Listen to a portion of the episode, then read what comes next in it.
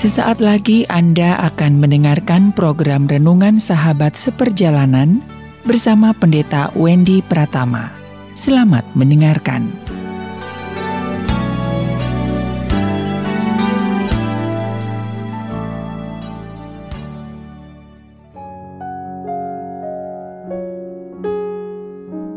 Selamat berjumpa kembali di dalam layanan audio Sahabat Seperjalanan. Hari ini adalah hari Senin 7 Februari 2022. Tema renungan dan saat teduh kita dengan judul Indah pada waktunya. Indah pada waktunya. Firman Tuhan terambil dalam Pengkhotbah pasal 3 ayat yang ke-11. Demikian bunyi firman Tuhan. Ia membuat segala sesuatu indah pada waktunya bahkan ia memberikan kekekalan dalam hati mereka. Tetapi manusia tidak dapat menyelami pekerjaan yang dilakukan Allah dari awal sampai akhir. Mari kita berdoa. Bapa yang di dalam surga kami ingin belajar bahwa Engkau sudah merancangkan kehidupan kami dengan hasil sebuah keindahan yang sering kali kami tidak dimengerti. Tatkala kami belajar bagaimana berpikir dengan cara kami dan tidak berpikir dengan cara Tuhan melihat dengan cara kami dan tidak melihat dengan cara Tuhan kami mau belajar memahami apa yang dimaksud dengan indah pada waktunya. Dalam nama Tuhan Yesus kami berdoa. Amin. Shalom sahabat seperjalanan yang dikasih Tuhan indah pada waktunya. Di dalam kehidupan kita, kita sering kali mengalami perjalanan-perjalanan hidup yang seakan-akan melewati kegelapan. Namun di dalam iman percaya, kita tahu di penghujungnya nanti adalah terang benderang kita melewati kerumitan, namun kita di dalam iman percaya kita, kita tahu bahwa di setiap kerumitan, Tuhan sedang memberikan kepada kami sebuah pengalaman perjalanan hidup yang membawa kepada pengalaman-pengalaman yang penuh dengan manfaat dan pengalaman yang berharga. Sahabat seperjalanan yang dikasih Tuhan indah pada waktunya. Alkitab mencatat ia membuat segala sesuatu indah pada waktunya. Segala sesuatu indah pada waktunya. Kalau berbicara tentang indah pada waktunya, berarti ada waktu-waktu di mana keindahan itu terbukti ternyata dirasakan dan kita kemudian bersorak, bertepuk tangan untuk keindahan yang Tuhan berikan kepada kita. Namun karena disebut dengan pada waktunya, maka ada waktu-waktu di mana keindahan itu belum terlihat, belum dirasakan, belum didapatkan. Kita boleh menyebut bahwa untuk mencapai sesuatu yang indah pada waktunya, itu yang disebut dengan proses. Itu yang disebut dengan proses. Kalau kita belajar sebuah pengalaman yang sangat sederhana yang kita belajar dalam kehidupan eh, anak-anak sekolah di dalam dunia pendidikan, yaitu bagaimana disebut dengan proses metamorfosis perubahan ulat kepompong yang menjadi kupu-kupu dan itu kemudian dijadikan sebuah lagu. Persahabatan bagi kepompong mengubah ulat menjadi kupu-kupu.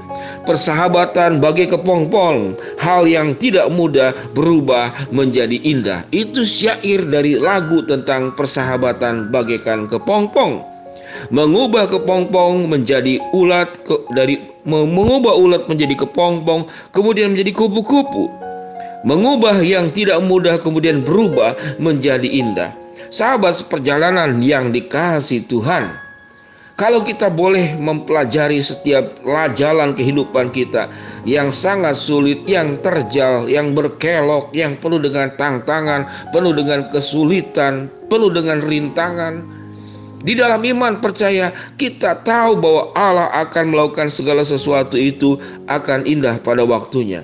Namun tatkala kita sulit menyelami kenapa Tuhan seakan-akan tidak indah, Alkitab mencatat, tetapi manusia tidak dapat menyelami pekerjaan yang dilakukan Allah dari awal sampai akhir.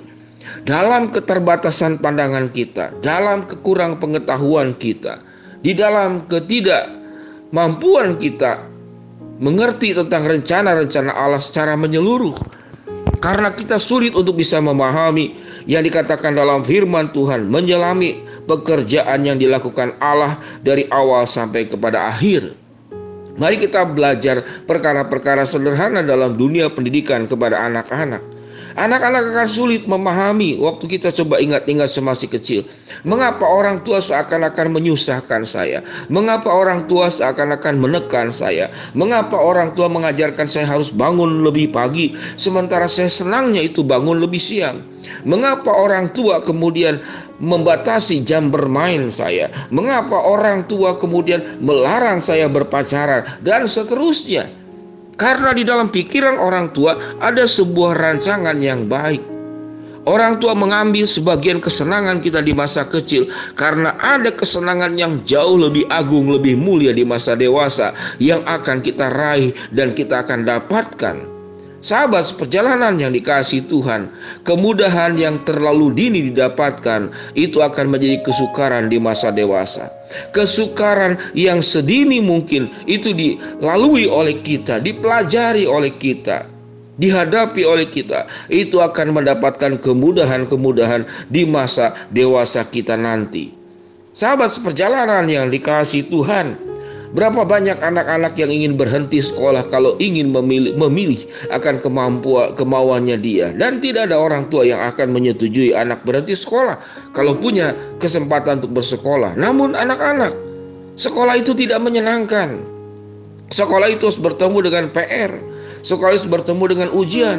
Sekolah itu berhadapan dengan guru yang tidak disukai, pelajaran yang tidak disukai.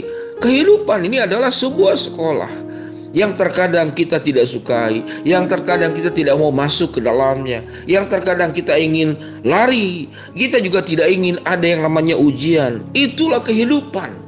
Kehidupan ini berhadapan dengan ujian-ujian, kehidupan ini berhadapan dengan hal-hal yang tidak menyenangkan, kehidupan ini bertemu dengan orang-orang yang kita tidak sukai, yang kita tidak bisa memilih, harus terus bertemu dengan orang yang bersangkutan, dengan guru yang bersangkutan. Oleh sebab itu sahabat seperjalanan. Kalau kita memahami hidup ini adalah sebuah sekolah kehidupan. Dan sekolah itu tatkala kita sanggup untuk melaluinya, kita melewatinya, maka kita akan meraih keindahan yang disebut dengan indah pada waktunya. Sahabat seperjalanan, tidak ada perkara yang sia-sia yang Tuhan izinkan dalam kehidupan kita, baik pengalaman yang baik maupun pengalaman yang buruk baik pengalaman diterima ataupun pengalaman ditolak, baik pengalaman berhasil maupun pengalaman gagal yang kita harus lalui. Dan itu akan menjadi sebuah rangkaian indah yang kemudian membentuk kita semacam pasal yang terhubung satu dengan yang lain. Yang kita tidak tahu mengapa pasal ini ada warna hitam, mengapa pasal ini ada bentuk-bentuk yang saya tidak sukai. Sewaktu kita memandang sepenggal-sepenggal, kita sulit memahami rancangan indah yang datang dari Tuhan. Namun sewaktu kita memahami ada rancangan besar yang Tuhan tahu gambar besarnya dan saya tidak tahu gambar besarnya dan saya belajar taat kepada gambar besar yang sudah Tuhan rancangkan dan kami akan melihat bagaimana kehidupan kami itu dirancang indah pada waktunya suatu hari nanti. Firman Tuhan berkata, Ia membuat segala sesuatu indah pada waktunya, bahkan Ia memberikan kekekalan dalam hati mereka, tetapi manusia tidak dapat menyelami pekerjaan yang dilakukan Allah dari awal sampai kepada akhir. Biarlah ya Tuhan kami mau belajar untuk belajar memahami hal-hal yang pekerjaan Allah yang dilakukan kepada hidup kami dari awal sampai akhir dan kami memahami semuanya itu akan indah pada waktunya dan baik buat kehidupan kami. Mari kita berdoa sahabat seperjalanan. Bapa yang di dalam surga berkati setiap sahabat seperjalanan untuk bisa memahami setiap pengalaman hidup Lika-liku naik turun gelap terang lancar dan terhambat semuanya ada dalam rancangan Tuhan dan kami mau belajar taat kepada rencana dan juga rancangan Tuhan. Bapa dalam surga hambamu berdoa buat sahabat perjalanan yang sakit Tuhan jamah sembuhkan. Yang sedang menghadapi masalah Tuhan bukakan jalan. Yang sedang berdoa mengharapkan sesuatu Tuhan kabulkan sesuai dengan waktu rencana dan kehendakmu. Dalam nama Tuhan Yesus kami berdoa amin. Shalom sahabat seperjalanan yang dikasih Tuhan. Tuhan memberkati kita semua amin. Indah pada waktunya